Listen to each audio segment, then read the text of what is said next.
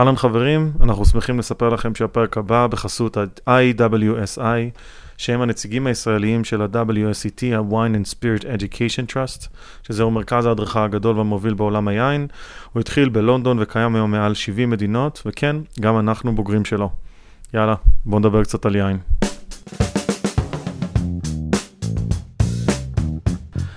אהלן חברים, ברוכים הבאים למוצר צריכה בסיסי, אהלן גיא. היי רע. וואי, איך אני מתרגש. וואו, מלא זמן. לשבת איתך באותו חדר ולעשות את השיחה הזאת, זה כבר הרבה זמן לא קרה. לגמרי, לגמרי, והנה אתה פה בישראל הצוננת והקרירה. וואי, זה מרגיש כמו לשבת בתוך ממש קנקן של תה. זה, יש בחוץ 90 אחוז לחות היום, משהו כן, כזה. כן. והיום אנחנו לא רק לבד, אנחנו מארחים את אילנית צמח. שלום, בוקר שלום, טוב. בוקר טוב. טוב, ערב טוב, אי מה אפשר שבא לדעת, לנו. גברת. מתי שאתם מאזינים. היי אילנית, וולקאם. היי, איזה כיף שבאת, תודה רבה שהצטרפת אלינו. תודה שהזמנתם אותי. בכיף גדול. זהו, ואילנית ואני מכירים כבר אה, לא מעט שנים. אה, מענף היין, מפה ומשם. אני מנחש שיש אולי חלק קטן מהמאזינים שלנו שעוד לא פגש אותך, עוד לא שמע, עוד לא אה, מכיר, אז אני חושב שזו הזדמנות טובה לא יודע מה הוא הפסיד. אז זו ההזדמנות שלך לספר קצת על עצמך, תספרי לנו מי את, מה את. אוקיי, אז אה, קודם כל אני ממש שמחה שהזמנתם אותי. כי אני מקשיבה לפודקאסט שלכם, וכל הזמן אני אומרת, למה הם לא מזמינים אותי, החצופים האלה? אז, הנה זה קרה. טופל. אה, טופל לגמרי. ואני אפילו לא התקשרתי אליכם, שזה כבר אה, מרגש. אה, אז ככה, אני בעולם היין נמצאת כבר למעלה מ-12 או 13 שנה. מהמם. הגעתי לשם, מה שנקרא, בטעות ולא בטעות. אהבתי יין מאז ומתמיד, ואהבתי יין למעשה עוד uh, מהתקופה שלי בתיכון. אוקיי. סליחה, לכל הילדים שעוד לא הגיעו לגיל הזה, uh, שמותר לשתות יין. אבל קראתי שייקספיר, אני מאוהבת בשייקספיר. אוקיי. ובשייקספיר תמיד היה סצנות של יין באיזושהי צורה, בכל מחזה שהוא כתב. והיין האדום הזה, היין החשוב הזה, אה, ליווה בעצם כל קריאה שלי. לא שתיתי אותו בהתחלה, אחר כך כשהתבגרתי, הגעתי לגיל 18 והתחלתי לשתות יין עם הקריאה.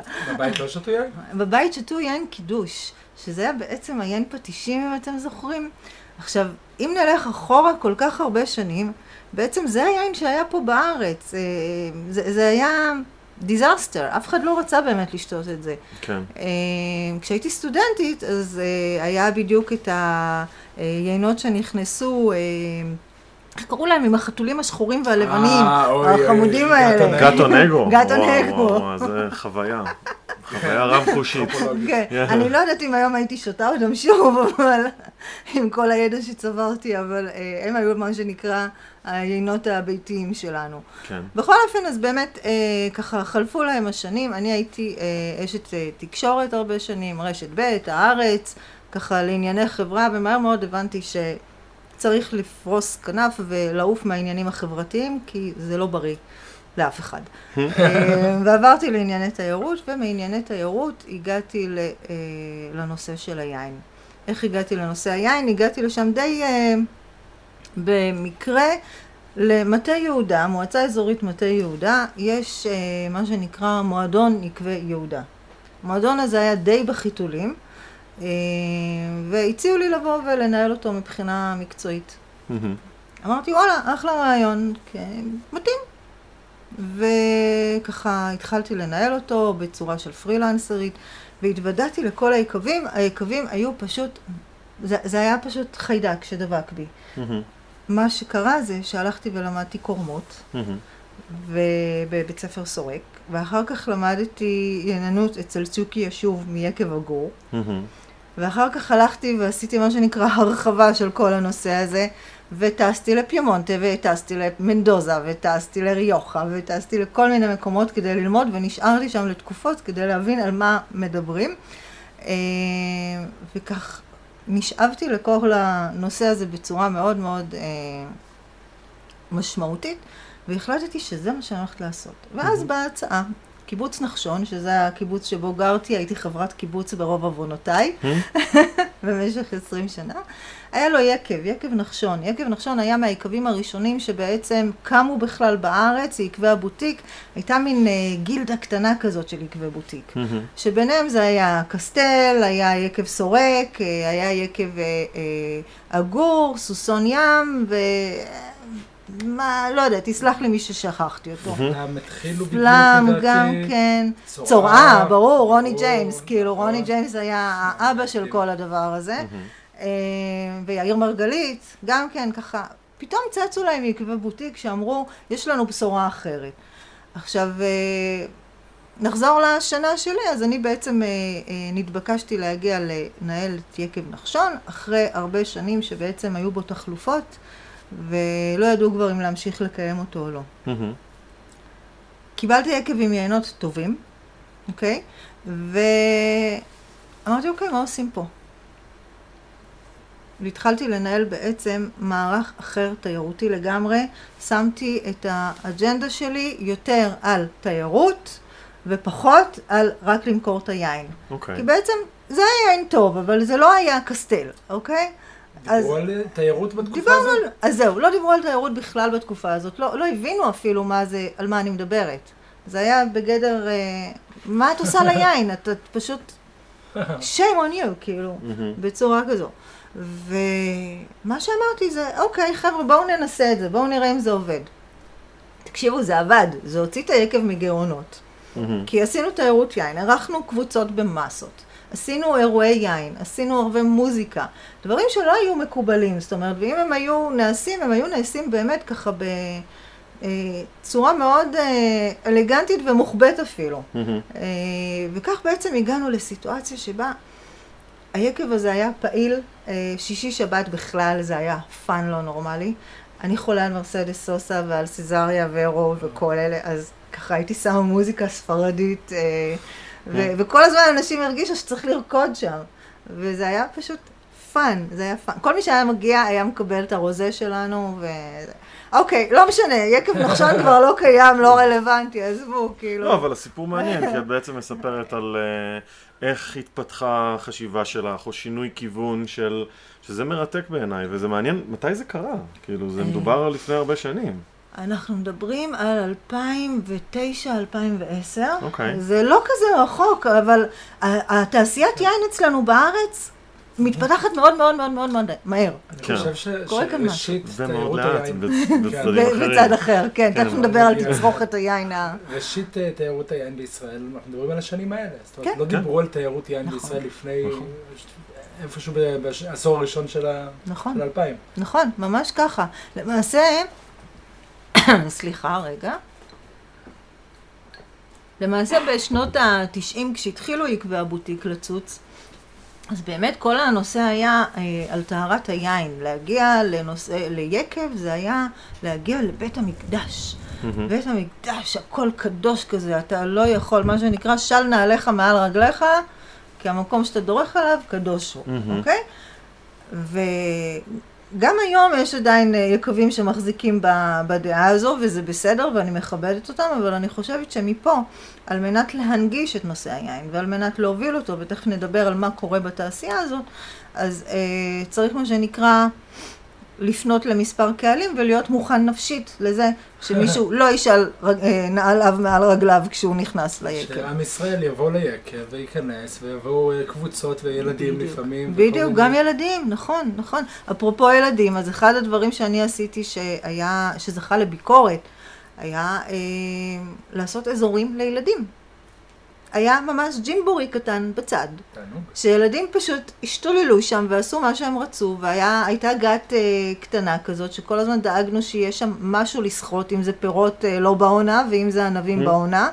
אה, והילדים פשוט היו משתוללים, וההורים היו שותים יין, והיו נהנים, והיו אוכלים במקום, ותשמעו, כאילו, וואלה, הייתה פה חוויה. ומתוך זה בעצם הבנתי שוואלה, זה מרכז רווח בפני עצמו. ומכאן אנחנו המשכנו בעצם, אני המשכתי לנושא הזה שנקרא אה, פיתוח עסקי ליקבי בוטיק. אה, עוד לא בניתי את המוצר, לא הבנתי בכלל מה אני אה, רוצה לעשות, רק היה ברור לי שבעצם צריך לשרשר את הדבר הזה קדימה, צריך מהמם. להמשיך אותו ליקבים אחרים. החלוצים היו יקב קדמה. אה, יקב קדמה בעצם אה, פנו אליי ואמרו לי, תשמעי, אנחנו, יקב קדמה דרך אגב נמצא בכפר אוריה, אני אתן איזה רקע קטן. אה, הם יושבים בכפר אוריה, והאג'נדה שלהם הייתה לעשות יין בכדי חרס כמנהג אבותיהם בגיאורגיה. יקב מקסים, אנשים מקסימים ויפה מאוד שם, יצא לי להיות שם לפני חודש, מקסים. ו- ובאמת ככה הם אמרו לי, תשמעי, אנחנו רוצים שתעשי פה את מה שעשית שם. אז אמרתי, אוקיי, אה, בואו נתחיל, בואו נעבוד. ובאמת היועץ יין שלהם היה ארכדי פפיקיאן, אני. לא יודעת אם הוא עדיין שם, אבל בכל מקרה הם הולכים ומשתפרים. אה, הוא עדיין ה- שם. הוא עדיין שם, אוקיי, נהדר, טוב לשמוע. כי, כי באמת בזמן האחרון לא יוצא לי כבר לבקר ביקבים, לצערי. זאת אומרת, כמה שאני אוהבת יין, אני uh, שותה אותו יותר בהזדמנויות אחרות. אבל uh, באמת הם הלכו עם האג'נדה הזאת. ואז הגיע יקב הגור, מהמם. והגיע יקב ברבדו, והגיע יקב צפרירים, והגיע... ואחד אחרי השני ככה נכנסו לתוך הדבר הזה, ולכל אחד התאמנו, כי בעצם זה לא מתאים לכל אחד להיות יקב אה, תיירותי ב, אה, בכל רמ"ח איבריו. זאת אומרת, מהמם. יש כאלה שהם יותר, מה שנקרא, straight כאלה, וצריכים את הערב קאנטרי שלהם, וצריכים אה, מוזיקה שמתאימה יותר, ויש כאלה שיודעים להתפרע, ויש כאלה שצריכים מוזיקה קלאסית. ו... בקיצור, זה הפך להיות איזשהו דבר שפשוט אה, דבק. לשמחתי הגדולה, זה התחיל באמת אה, עם כל אה, אה, מטה יהודה. מהמם. אה, לא עם כולם, אבל עם, עם רובם, זאת אומרת, גם ביקב האלה התחלתי לעבוד, ועם דורון רנד המהמם, אה, שפשוט ראה מעבר אה, למה שראו בזמנו, וככה התחלנו לפתח את המגמה הזאת. וברשותכם רק אני אגיד משהו על הנושא הזה של תיירות יין. תיירות יין זה לא רק הביקור ביקב עצמו, וזה לא רק החוויה ביקב עצמו. תיירות יין מבחינתנו אה, קשורה בכמה פרמטרים. היא קשורה בנושא של הגדרת, אה, הגדרה אזורית, תכף נראה איך זה מתחבר. היא קשורה בנושא של אה, לייצר איזושהי, אה, איזשהו מערך שלם, הוליסטי, של מספר עסקים שרלוונטיים. למשל, מחלבות, למשל, בתי בד. אה, מקומות שמייצרים בהם שמן זית, זיתים וכדומה. למשל, טיול בכרמים. טיול בכרמים של זיתים, טיול בכרמים של ענבים. הסבר קצת על הנושא, אה, אם יש אנשים שמתעניינים בנושאים גיאולוגיים, או מתעניינים בנושאים, בנושאים אה, של, של אוויר, של ציפורים, של whatever, you name it. כאילו. אפשר לחבר כל דבר לנושא הזה שנקרא תיירות יין. אה, וכמובן, אוכל, איך אפשר בלי אוכל? ומלונות, ובעצם ומלונות, כל התשתית נכון, שצריך נכון. מסביב. בסופו של דבר, כשאנחנו מדברים על תיירות יין, האורח, ש, ש, או המבקר שרוצה לטייל, להכיר, לטעום, הוא רוצה שתהיה לו אפשרות לבקר ביקב או שניים, אבל גם במבשלת בירה ויצרן. גבינות, ולעשות ארוחת בוקר וארוחת צהריים ולישון איפשהו. ולשלב את כל זה ביחד. לגמרי, ו- וללכת לספא, זאת אומרת, כל הדבר הזה הוא, הוא מין דבר שצריך לדעת לחבר אותו. יש כאלה שיודעים כבר לעשות את זה יותר טוב, יש כאלה שעושים את זה פחות טוב, אבל אה, כן. פה אנחנו הולכים ל... אה, אני יודע שמטה יהודה באמת זה, זה המובילים של לגמרי. תיירות היין בישראל. יש היום אתר אינטרנט, אגב, יפה. מדהים, מדהים. מכירה ובטח קשורה גם בצורה כזו או אחרת. כן. מדהים מה. שנעשה, ואני חושב שהיום, אני מסתכל על זה מעיניים של מטייל. אפשר להיכנס לאתר, אני מציע באמת לכולם להיכנס לאתר של מטה יהודה אה, ולראות את המפה שהם העלו, מפה יפהפייה שאפשר אה, לחבר בנקודות, אפשר Mhm. אה, לראות- לראות על המפה את המסעדות באזור, ולראות Mhm. על המפה את ה... אה, אטרקציות, מקומות וממש, לינה ו- נכון. וכן הלאה, ואתה יכול כמבקר ומסלולי לבנות לך טיול, ומסלולי טיול, איפה אתה מטייל? זאת אומרת, רכיבת אופניים, איפה אתה יכול ללכת? כל... מהמם. פשוט דבר יפהפה ש, שהם יצרו שם. אני חייבת להגיד שעכשיו אני אה, עובדת עם אה, מועצה אזורית גזר, ואנחנו מנסים בעצם לעשות אה, משהו שהוא אה, בכיוון הזה. יש לנו פחות יקבים. אמנם, יש לנו 12 יקבים, לעומת אה, 55 יקבים שיש למטה יהודה, מהמם. אבל אנחנו צמודים. והצמידות הזאת מאפשרת לנו גם לייצר מה שנקרא תנועה. אה, תנועה אה, ביניהם לבינינו, כי, אה, כי ככה אנחנו יכולים בעצם להפרות אחד את השני. גם אה, 12 גם חלק מהיקבים כן. שלנו גם קשורים למטה, למועדון עקבי יהודה. אז בעצם מה התפקיד שלך? בעצם מה את עושה בכוח? אה, ככה, אני למעשה עושה פיתוח עסקי אה, שיווקי לתיירות באופן כללי, ואז בתוך התיירות הזאת אני מכניסה את האלמנטים של יקבים ודברים נוספים. היום אני גם עושה, אה, אני בונה קורסים עבור משרד החקלאות ועבור משרד התיירות בתחום של אה, הקמה, אה, ניהול ושיווק ליקבים. אחת ה... אה, אחד הדברים שבעצם אה, הבנתי גם כן מתוך השנים הרבות שלי בתחום, זה שבעצם זה נהדר לדעת לייצר יין טוב, אבל צריך לדעת למכור אותו. וזה לא נגמר בזה שאתה מייצר את היין, ואתה עושה את היין הכי נהדר, ואתה עושה השקה, וזה יופי, ובסוף אתה נתקע עם סטוק של 5,000 בקבוקים, והופה אתה נכנס לבציר הבא כבר. כזה מדהים אותי, אתה יודע, אנחנו מדברים פה על נושא, על יין, אבל בכל נושא בעולם, בכל תחום בעולם שמוכרים משהו, הדילמה הזאת שאנחנו מדברים עליה בכלל לא קיים. ברור שצריך למצוא דרך למ- למכור את היין, ברור נכון. שצריך, וכאילו אצלנו בארץ יש איזה מין כזה, אנשים לא באמת מבינים. הם טאלנטים. כאילו נורא כיף, אני וואלה, אני עושה יין, עברתי זה, אז עשי, גם הרבה, אתה רואה גם הרבה אנשים בוטיק כאלה שעשו דברים בחיים, החליטו שהם רוצים להקדיש את חייהם ליין, עושים יין, ולא חושבים על הצעד הבא, שכאילו הכי טריוויאלי שיש. אני חושב שאנשי יין, יצרני יין, הם לא פעם בראש, הם אמנים. נכון. ואמנים לא פעם, כן, גם בארץ, אמנים שעושים אמנות יפהפייה, ולא יודעים למכור אותה. וזה ה- זה העניין פה בסופו של דבר. עכשיו, זה, זה יותר מזה, כי, כי אמנות פה היא, או המוצר פה הוא לא רק היין עצמו, שנהדר, וזה שיש יין טוב זה, זה, זה יופי. המוצר פה, אה, בטח כשאנחנו מדברים על יקב שמייצר 5,000, 10,000, 20,000 בקבוקים, הוא חוויית היקב. התיירות היא המודל העסקי שצריך להוביל את. היקב. ברור, ויש פה בדיוק. פוטנציאל ויתרון מאוד גדול ליקבי בוטיק ויקבי גראז' שיש להם יכולת לעשות את כל התהליך, ל- לראות, אני קורא לזה one man show. אתה יכול לראות בן אדם שמקדיש את חייו לעשייה, לפיתוח, ל-education, ל- לחינוך, נכון. להסביר, את דיברת על משהו, תיירות, בוודאי, חלק מאוד מאוד אינטגרלי מזה, זה לשבת ולהכיר את האנשים, להכיר את הסגנונות, להכיר את החוויה, את האזור, את הטרואר, את הדברים שנמצאים מסביב, מה בעצם, מה אני עושה פה? זה לא, ואז לקווים האלה יש יתרון גדול, לעומת יקבים מסחריים, שהם בעצם עובדים במסות הרבה יותר גדולות, ו- ומייצרים גם יינות שהם שונים. נכון מאוד. עקבי כרמל שאנחנו מאוד אה, אה, כן מעריכים בהחלט. עבודה מאוד יפה. הם יקב ש, שלוקח ענבים מכל הארץ, לעומת יקב במטה יהודה שלוקח ענבים מהכרם ויכול נכון. למבקר לה- לה- להצביע ימינה ולהגיד, הנה, מפה הענבים נכון. הגיעו, זה חוויה אחרת לגמרי. ברור. נכון. יש, יש איזה משהו שסתם מעניין אותי לשמוע איך את רואה את ההבדלים בין יקבי בוטיק או יקבי גראז' ליקבים מסחריים. כאילו, מה את רואה ברמת התיירות יין, איזה הבדלים יש שם? אוקיי, אז יש לנו ככה, אה, עם עקבי ה- היקבים התעשייתיים נקרא להם, אוקיי? היקבים הגדולים. אה, אם עד לפני אה, עשור בערך, אפילו קצת פחות, ראינו שבעצם המהות שלהם זה לייצר, ככה, זה לייצר אה, שני, אה, אה, שני מסלולים. אחד זה מסלול שנקרא תירוש, כי תירוש בכל בית בישראל שותים עם הקידוש, ויש מה שנקרא ביקוש מאוד גבוה במגזרים מסוימים. כן. ומצד שני יש מה שנקרא את היינות, אה, אה, יש את היין.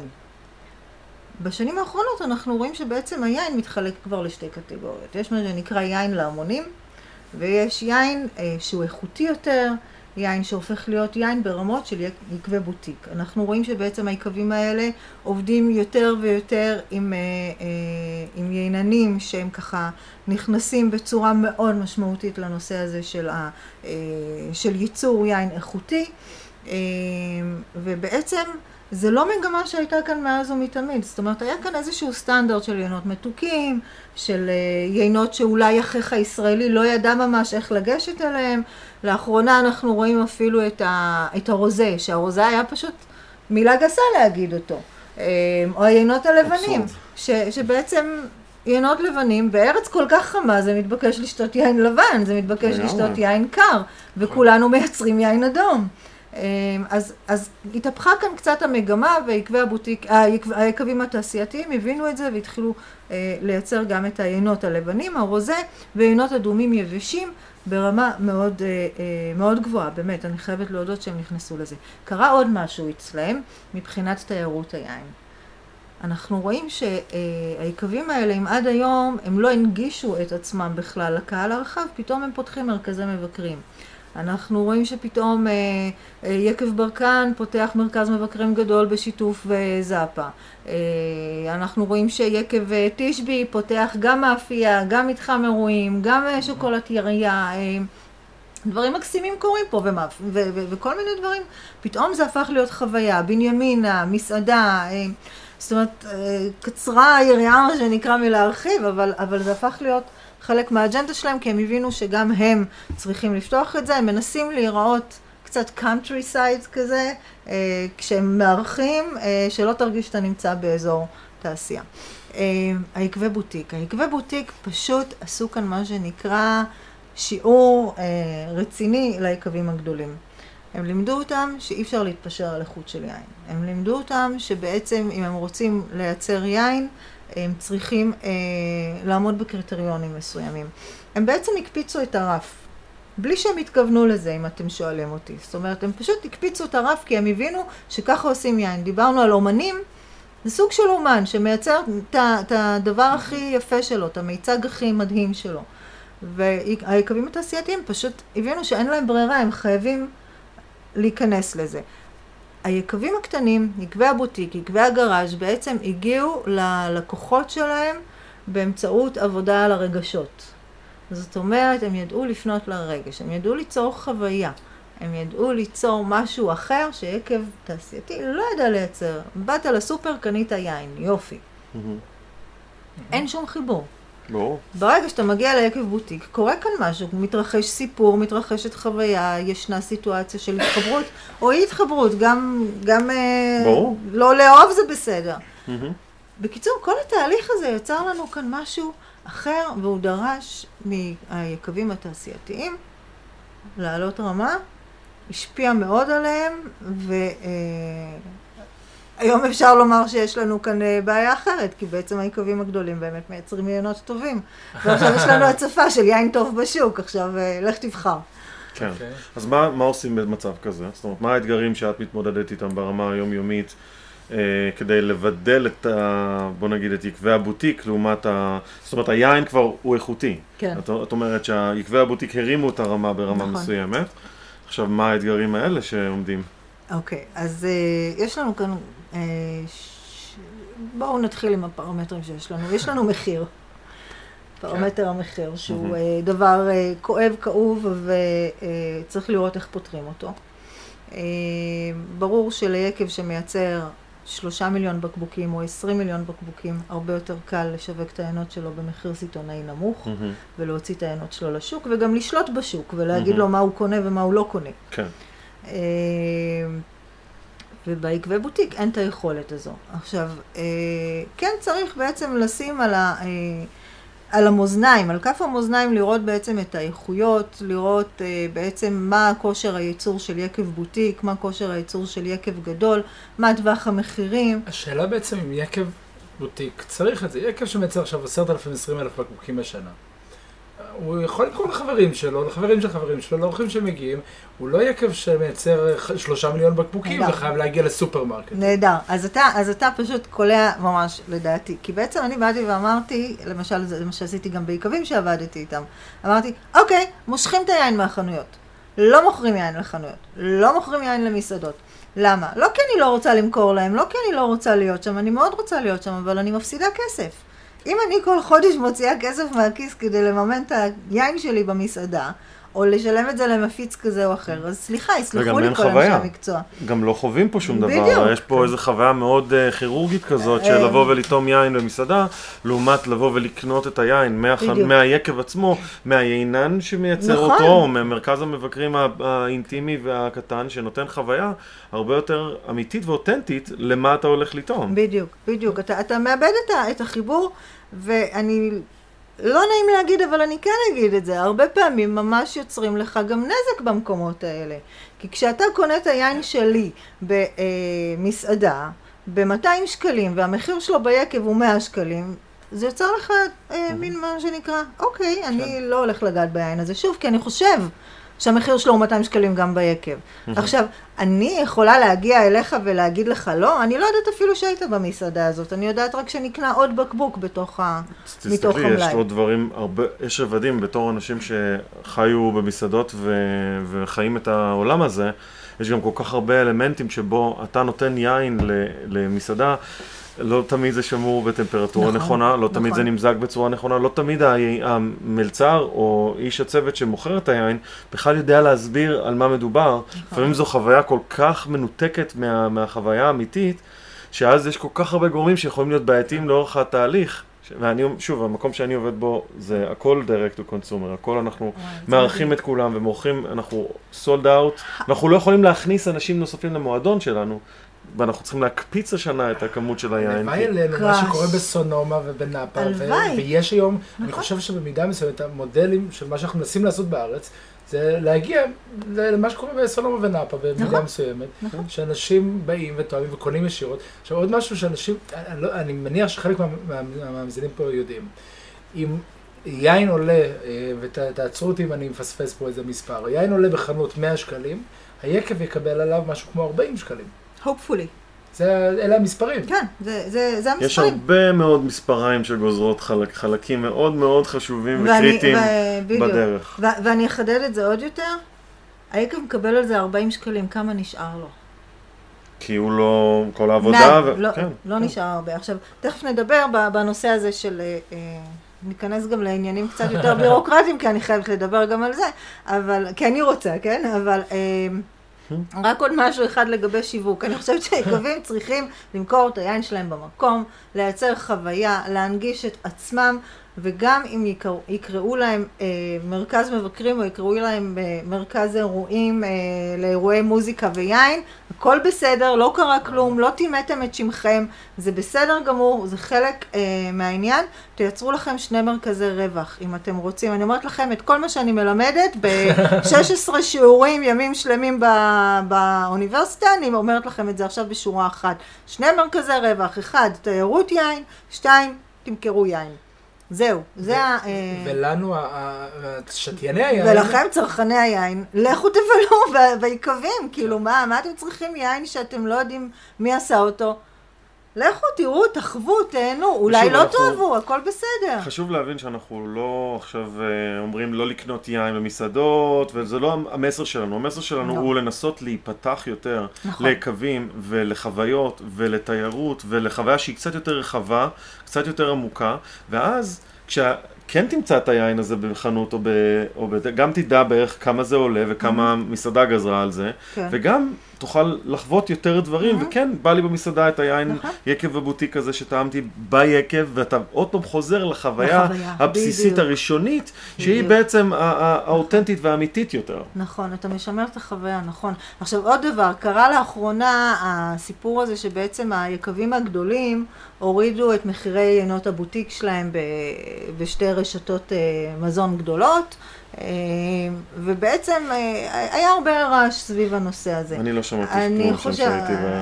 אז היה בלאגן גדול, בלאגן שופרסל גדול מאוד. וחברים. ויש ויכוח שלם למי עשה ולמה עשה, כן. וכמה אפשרות הייתה ליקבים ל- ל- לנהל את זה או לא כן. לנהל את זה, הורידו מחירים בצורה דרמטית.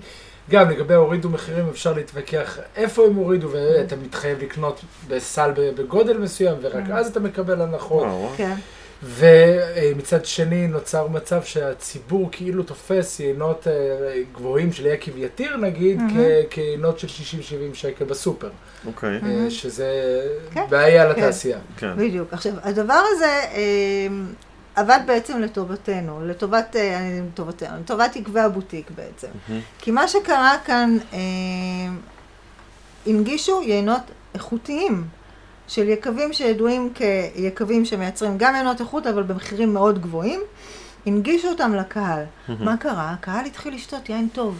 מהמם. הקהל שותה יין טוב, הוא רוצה עוד יין טוב, הוא לא יתפשר עכשיו על יינות פחות טובים. אז פתאום קרה כאן איזה משהו שלדעתי לא תכננו אותו ולא צפו אותו מראש, ופתאום יש ביקוש לעינות בוטיק. פתאום אנחנו רואים עינות בוטיק נכנסים למדפים בצורה יותר משמעותית, וגם הסיטונאי עצמו מנהל משא ומתן עדין יותר עם יקבי הבוטיק. זה אחד התהליכים מעניין. שקרו, מה מעניין. שנקרא הפוך על הפוך, הצליח uh, באיזושהי צורה. זה רק הנגיש את העיינות האיכותיים. פתאום כשבן אדם שותה יין טוב, הוא מבין מה נכנס לו לתוך הפה. ו... וזה זה עכשיו, תהליך מדהים. הדילמה, בעצם שאלת ה-100 שקלים, כן. אה, האם הוא גם שותה יותר? כי לי זה אוקיי. מרגיש שאולי. עלינו ברצון שלנו לשתות יינות טובים יותר, אבל השאלה האם גם אנחנו שותים יותר יינות טובים. טוב, פה, פה גיא אה, אה, יודע הרבה יותר טוב ממני מה קורה, אני יכולה להגיד מה, מהדוחות ומהביורוקרטיה שלי, אה, זאת אומרת, אבל אני חושב אה, ששותים. אני חושב שישראלים, שיש עלייה בצריכה, ואני חושב שאין לנו היום שום דרך באמת לדעת, כי אין פיקוח מסודר על ענף היין בישראל, ואי אפשר Mhm. באמת לדעת מספרים, אבל ממה שאני רואה, אה, אנשים שותים יותר, ויש, זה, זה הופך להיות מוצר צריכה יותר בסיסי לאט לאט. אוקיי. אה, ובטח כשאנחנו מצליחים להגיע אה, ל- לזה שיש היום יינות מעולים בישראל, נכון. שנמכרים בחנויות או ישירות מהיקב בפחות מ-100 שקלים. נכון, כולל עקבי בוטיק נכון, נהדרים. לגמרי, אה, סתם לדוגמה, וכבר ציינו פה, ושוב פעם נדבר עליו, כי, כי מגיע לו כרם שבור, שהיינות שלו נכון. לא עוברים את המאה שקלים, ו- מהמם. ויינות בעיניי נהדרים, מה- מהטובים לסוגם ב- ב- בישראל. מהמם. ו- ועוד המון, את לגמרי. הזכרת פה הרבה שמות שהרבה מהם מוכרים כן, יינות נכון, בסקאלה הזו, אז אנשים שותים, כן, אנשים שותים יותר, גם יותר איכותי, חד משמעית, המחיר הממוצע והאיכות של היין כאן עלתה משמעותית, אה, וגם שותים יותר יין, אני חושב שיש עלייה, כן. גם אחד הדברים שקורים עכשיו זה בעצם, אה, אפרופו הנושא של תיירות יין, אז באמת מגיעים יותר חבר'ה צעירים לתוך הסיפור הזה. אם עד עכשיו זה היה שמור למה שנקרא לאליטות, למבוגרים, לשמרנים, פתאום יין הפך להיות יין נגיש, בעיקר כשהכנסנו את כל העינות הלבנים והרוזה. אז גם נשים מתחברות יותר ליין, וגם, וכבר לא רק מתוקים וחצי יבשים וכאלה, אלא ממש יין יבש, אמיתי, איכותי, אה, פתאום מגיע לאנשים. אנחנו רואים קבוצות הייטק, חברות הייטק שמגיעות ליקבים ועושים אה, ימי גיבוש, ועושים אירועים, ועושים ארוחות, והרצאות. אה, קורים קול. דברים נפלאים בתוך התחום הזה עם הצעירים, אנחנו מארחים אותם, פתאום זוגות מגיעים. מגיעים לשבת ביקב, כי זה רומנטי, כי זה יפה, כי זה, אה, כי יש כאן איזושהי אווירה אחרת, שזה זה דבר מקסים בעיניי, ובאמת הם אחר כך ממשיכים את הסיבוב, זאת אומרת, הם לא באו אה, להיות רק ביקב, אלא הם גם עושים דברים נוספים. אה, גם אנחנו עושים את זה. ו- הנה, אני פה בארץ עכשיו לכמה שבועות. גם אני מתכנן ימים עמוסים של חוויות, של גבינות ויקבים ומלונות ותיירות וכיף, כאילו... אתה... אפילו אני, כן. כאילו, מגיע לפה ורוצה לחוות כיף את ישראל. נכון, נכון. נכון. ואני חושב שאחד הדברים החשובים ש- שהזכרת כאן, זה קודם כל שבאמת אנשים לבד באים ועושים את זה, אבל שחברות עושות את זה. נכון, וזה אני חושב אחד המפתחות המעניינים, נכון. כי אה, הרבה פעמים מגיעים אנשים שלא היו מגיעים בדרך אחרת לקווים, כי יש אירוע חברה, וזה היה או זה. או קארטינג, אהה. ומגיעים ליקב, ופתאום העיניים נדלקות, ופתאום. הם, הם יגיעו שבוע אחר, חודש אחר, חודשיים אחרי לעוד ביקור, כי, כי זה פתח להם איזה משהו. ומי שעשה את זה, זה עקבי הבוטיק שבנו את תיירות כן. היין שמתחילה להתפתח בישראל. כן, כן, זה, זה אחד הדברים שאנחנו רואים יותר ויותר. אה, כמה הצריכה עלתה, אני לא יודעת, אבל אני מניחה שזה הולך וגובר, ואם אנחנו אה, נתמיד במה שאנחנו אה, עושים, זאת אומרת, שכל יקבי הבוטיק וכל צרכני היין יסתובבו. יסתובבו, פשוט כן. יהפכו את זה לסדר היום שלהם ביום שישי, במקום ללכת, סליחה תל אביב, במקום לשבת בבית קפה בתל אביב, ישבו ב, אה, אה, ביקב בוטיק כזה או אחר, בין הכרמים או... אה, חצי שעה 40 דקות נסיעה בדיוק, אביב, זה הכל. בדיוק, מהמם. נכון. זה, זה, זה הרדיוסים שאנחנו מדברים עליהם. אה, ובחופשות שלהם, שיארגנו יום אחד בייביסיטר לילדים ויעלו ליקבים בצפון, או ילכו ליקבים בדרום, או עם הילדים. או עם הילדים. אה, וזה אה, אגב קריאה אה, נכון. ליקבים, וזה דרכך אולי, לעשות עוד כן. פעילויות לילדים. נכון. כי איזה מדהים זה, אני, אני חושב על זה, שאני אני עם אחיינים שלי היום, אה, רוצים לעשות איזו חופשה.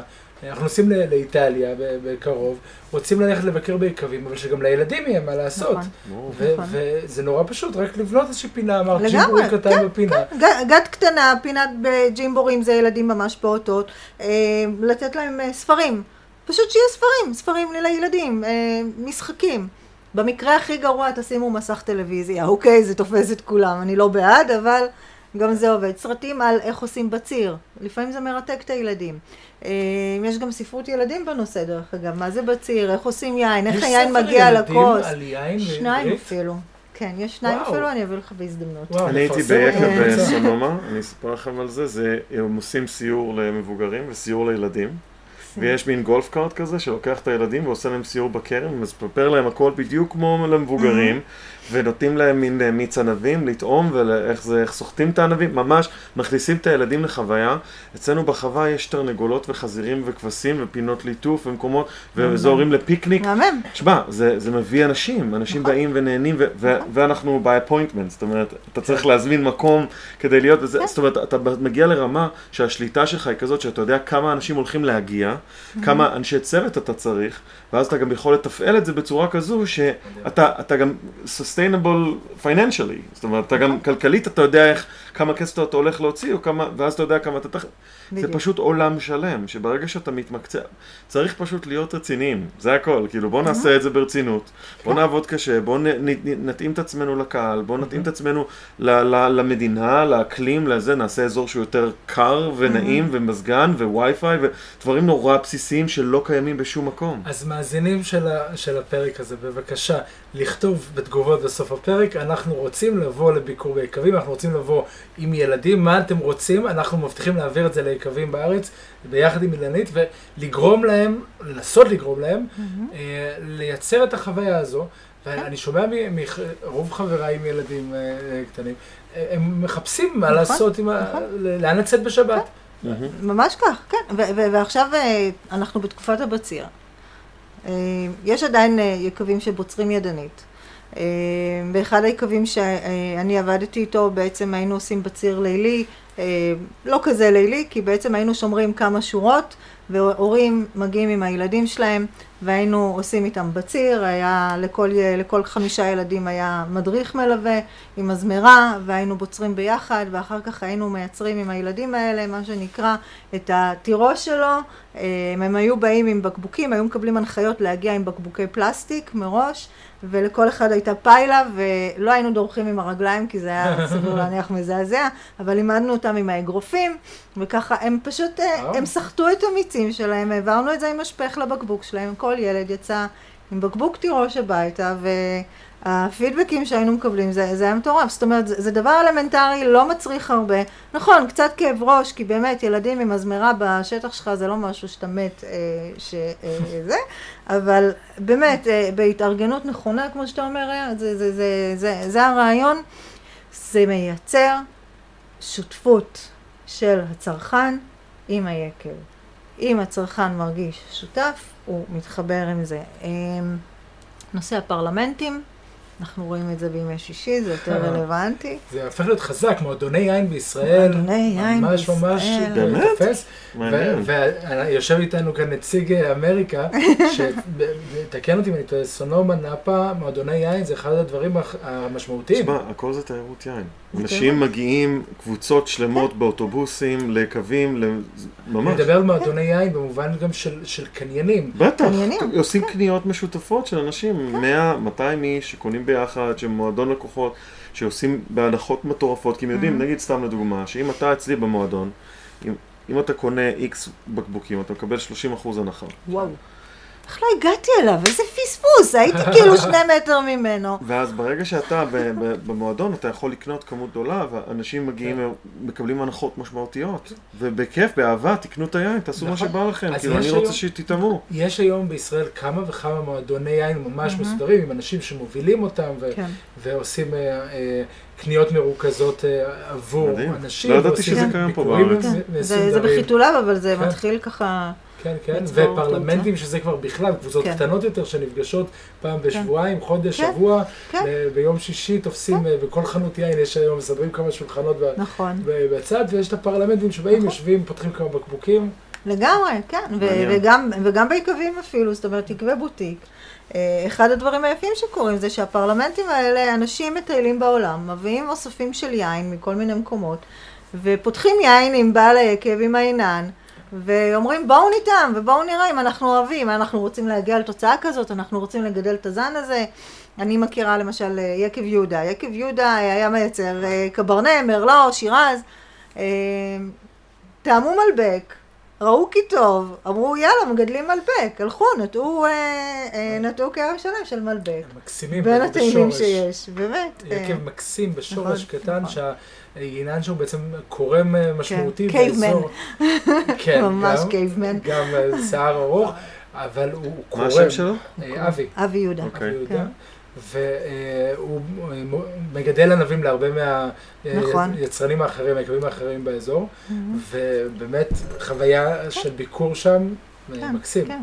הם באמת, הם, הם גם פותחים את העיניים החוצה, הם גם לומדים מה קורה בחו"ל, הם מסתובבים הרבה יותר בחו"ל, איך שנגמר הבציר כולם יוצאים לטיולים אה, במרחב, ו, אה, ובעצם מגיעים ל, אה, לנושא הזה של רק לשפר את היין. ולהיות פתוחים לזנים אחרים, שזה גם כן אחד הדברים ש... יש, את מרגישה פה. שיש פה התפתחות? אה, יש, ל- יש התפתחות, זאת אומרת, אם אנחנו ראינו, אה, למשל בואו ניקח אה, זן שעד לפני שנתיים היה קצת שנוי במחלוקת שנקרא קריניאן, מהמם. אוקיי? קריניאן זה מה שנקרא זן, זן אה, ישראלי נקרא לו, אה, שפשוט אה, הרסו לו את המוניטין קצת. אוקיי. בשנים האחרונות אנחנו רואים שהוא חוזר. אה, והוא חוזר, אבל הוא חוזר איכותי. יודעים לעשות אותו כזן טוב. אגרנאז', אגרנאז' היה נחשב סתם עיניו. אנחנו רואים שפתאום אגרנאז' אה, מקבל במה משלו, הוא יכול לעמוד, הוא יכול לעמוד בפני עצמו. מהמם. אה, אנחנו רואים אה, זנים באמת כמו מלבק, או זנים שמגיעים אה, אה, ממקומות אחרים, זה כבר לא הזנים הבורדולוזיים בהכרח. זאת אומרת, זה לא שירז, קברנה, מרלו, שירז, קברנה פרנק, אה, אנצטרה. זאת אומרת, אנחנו מתפתחים. מי שמוביל את אה, זה זה יקבי הבוטיק בישראל. בדיוק, בדיוק. אנחנו, אנחנו מעיזים יותר אה, בכל מיני אה, זנים שמגיעים, וזה טוב, וזה טוב לקהל הישראלי, כי הוא פתאום טועם דברים שהוא לא מכיר בהכרח. אה, וזה טוב ליקבים, כי הם יכולים, מה שנקרא, להתפתח לכיוונים אחרים ולהתאים אותם לטרואר. אה, בנושא הזה של הטרואר, אז, אה, אז באמת אנחנו מדברים כאן על האזורים בארץ, יש לנו הכל, מהכל. יש לנו אה, אדמה גירית ויש לנו אדמה אה, בזלתית ויש לנו אדמת חול ואחד הדברים היפים שאני חושבת שבגללם בעצם נכנסתי לתחום הזה זה החוסן הזה שיש לגפן שהיא יכולה לגדול איפה שבא לה, היא יכולה לגדול בתוך סלע בזלת, היא יכולה לגדול באדמה, היא יכולה לגדול אה, באדמה אה, כבדה, בתוך, אה, בתוך בזלת של, של הר געש שנרדם כבר מזמן. כן. כאילו, זה, זה... דרך בזלת, הייתי ב- בסיציליה, אה, אה, יש שם אזורים שההר געש שם הרי עדיין פעיל, אתנה. ואתנה, וראיתי מקומות ש- שבזלת כיסתה, לה בכיסתה בעצם כרמים, ואחרי זה הגפנים יצאו דרך. מדהים, מדהים. זה, זה, זה, זה דבר כל כך חזק. עכשיו, אני חייבת גם אה, להגיד, כאילו, תראו, הגפן זה קצת ענייני קודש, מה שנקרא. גפן זה בעצם הפרי היחיד שקיבל ברכה משל עצמו. זה בורא פרי הגפן, אין לך בורא פרי הזית, אין לך בורא זה, יש תירוש, יש זה, בסדר, כאילו, כאילו, הגפן, בורא פרי הגפן, וזה יושב לנו על שולחן השבת, כן. אה, לאלה שמקדשים, לאלה שלא מקדשים, זה ברור, זה... זה מאוד יהודי, ואני חושב, דיברתי על זה השבוע. אנחנו אה, שתינו הרבה יין.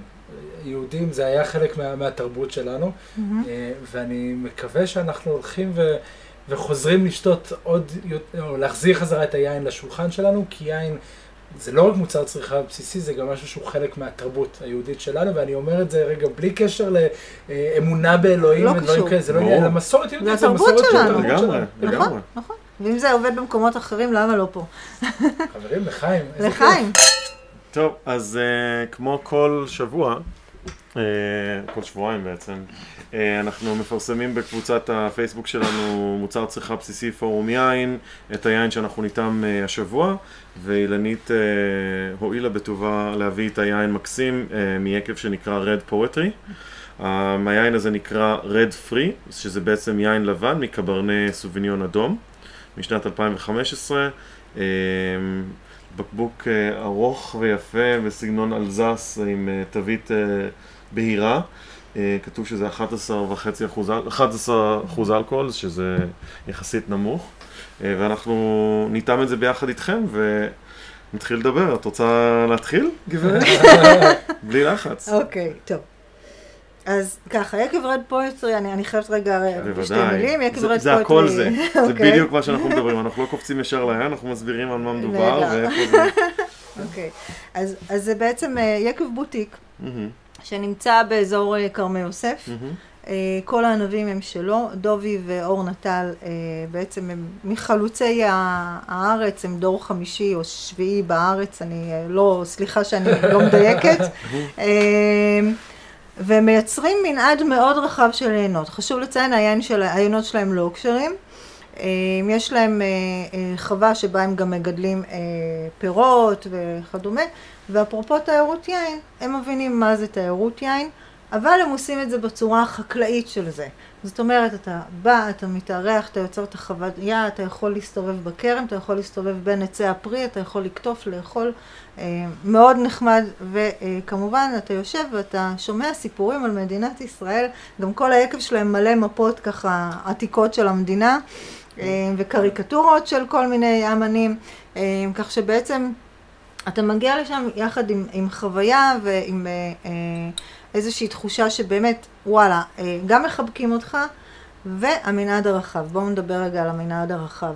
דובי, שהוא היינן, לא מפחד משום זן. הוא מסוגל לגדל איזה זן שהוא רוצה, אם זה מורבדרה, אם זה פינו נואר, אם זה, אה, אה, אם זה פינו גרי.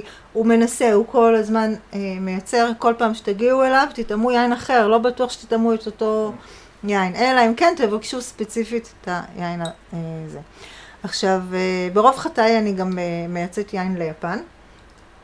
אז כן, אני דוגמת את זה בשביל איזה לקוחה שכל חצי שנה ככה אני מעבירה למכולה של אלף בקבוקים. וכל פעם אני צריכה לחדש לה. והפעם אמרתי, יפנים לא אוהבים לבן, הם לא התחברו לי ללבנים הקודמים, שלחתי להם בדרך כלל שרדונה וכאלה. אמרתי, ננסה. ולמה אמרתי ננסה? הרד פרי הזה בעצם אה, הוא באמת אה, חופשי מ, אה, מאדום, יין חופשי מאדום. Mm-hmm. אה, עשו אותו בשיטת הרוזר, רק שהוציאו את הקליפות כבר בהתחלה, mm-hmm. אה, כך שבעצם הצבע mm-hmm. הוא לבן, אתם מרגישים, אתם רואים כאן צבע של קש בעצם, mm-hmm. אתם לא רואים כאן צבע של, אה, של יין אדום בשום צורה, אין כאן שום אזכור. כשאני טעמתי אותו לראשונה, אמרתי, אוקיי, מה, מה הבאת לי? זה לא שרדונה. זה לא ויוניה, מה, מה הבאת לי? מה שמת לי בכוס? אז הוא אומר לי, תמשיכי לנסות, זה בסדר, תגיעי לזה מתישהו. ואז כשראיתי והבנתי, אמרתי, אוקיי, זה יין קסום, זה יין שאני יכולה לקום בבוקר, ואני מאוד אוהבת יין. אני יכולה לקום בבוקר ולשתות אותו.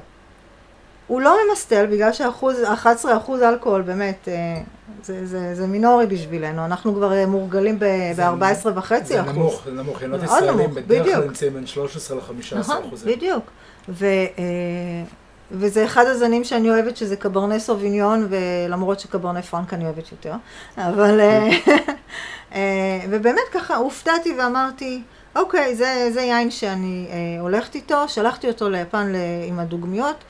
קיבלתי חזרה, אני רוצה 500 בקבוקים כאלה. יש. אבל זה חצי ממה ש... כאילו, זה חצי מהמלאי שלי, אז היא, אז היא שילשה לי את ההזמנה. אבל בעצם היין הזה הוא יין שהוא קל, הוא נעים, כיף לשתות אותו בחום הישראלי, הוא הולך עם כל דבר, זאת אומרת, עם בשר לא הייתי ממש שותה אותו, אבל כן בהחלט בארוחת בוקר, אה, שמגישים אוקיי. לכם בארומה, תבקשו כוס יין במקום לבקש אה, כוס קפה, כאילו בואו נהיה רציניים. אה. כן, ארוחת בוקר, יין חובה, מה זאת אומרת? וכן, ו- והיום שלכם מתחיל אחרת. קצת אה, יין עם המיץ תפוזים באותה כוס, אה, אולי אפילו עם קצת, אה, אפשר ריבוע, אתה לא חייב. בעיקר מימוזה. כן, לגמרי, לגמרי, אני, מאוד בעד. האמת שהיין הזה ספציפית, אני חושב שילך עם זה. אני- אה, מה שאני נהנה ממנו ביין הזה, זה שהוא מאוד עדין. מאוד, אמרת 11 רגוע. 11 אחוזים, אני חושב שזה כן. רק פרמטר אחד ש, שהוא, אה, שמייצג את מה שהיין הזה, אז זה בעיניי בכוס פעם ראשונה שאני תואם אותו. מהמם. האף שלו מאוד מאוד עדין, אה, האינטנסיביות לא יותר מדי גדולה של, מהמם. של הריח, כן. אה, ומצד שני, ב- בסוג הריח שיש כאן, אם היינו עם עיניים סגורות לגמרי, אני לא בטוח במאה אחוז שהיינו ישר קופצים ללבן, זה איפשהו בין לבן לבין אדום. אוקיי. אה, טוב, אתה, מומחה יותר ממני, זה דפנטלי. אני, אני מקבל, uh, בהתחלה היה לי איזשהו like, אפרסקים. ואז אה, לקחתי בכלל למקומות אחרים, כמו פפריקה, כמו כן. דברים יותר מתובלים, אה, דברים נורא מעניין, כאילו, אני חושב שיש פה אפילו אה, אה, לא רק אפרסקים ופירות לבנים, אלא אנחנו לא חושבים על זה בדרך כלל ביין לבן, אבל יש פה קצת דובדבנים. כן, את, אה, פלם, כאילו, אה, כן, אה, שזיף, אני כן. הערכתי, נכון. זה הדבר הראשון שהערכתי, כן, שזיף בשל, כן, ולוחמניות טיפה. כן. ממש. גם תאנים היה לי, כאילו זה ממש מעניין, יש פה הרבה מאוד פירות שהם יחסית הולכים לסגנון של יין אדום בעצם. כן, אבל בעדינות. הכל כן. מאוד כן. מאוד עדין, אלגנטי. זה מאוד. מתון, מאוד מתון, מאוד נעים. ומי שיגיע אליי אה, לבית אה, יקבל קודם כל את היין הזה, כי יש לי סטוקים. ו, אה, אבל באמת, וגם רוזה של עגור יש לי במסות. זה גם יין שאני מאוד אוהב. אגב, את היין הזה קונים ביקב, נכון? את היין הזה קונים ביקב. רוב, היקבים היום, רוב יקבי הבוטיק, באמת, אני, אני לא חושבת שיש הרבה שעוד מוכרים בחנויות, אבל רובם מוכרים אצלהם. מה המחיר שלו? המחיר שלו הוא, אה, אם, אם אני לא טועה, הוא 65 שקלים וואו. אה, לצרכן, מהמם. וואו. שזה value for money נהדר.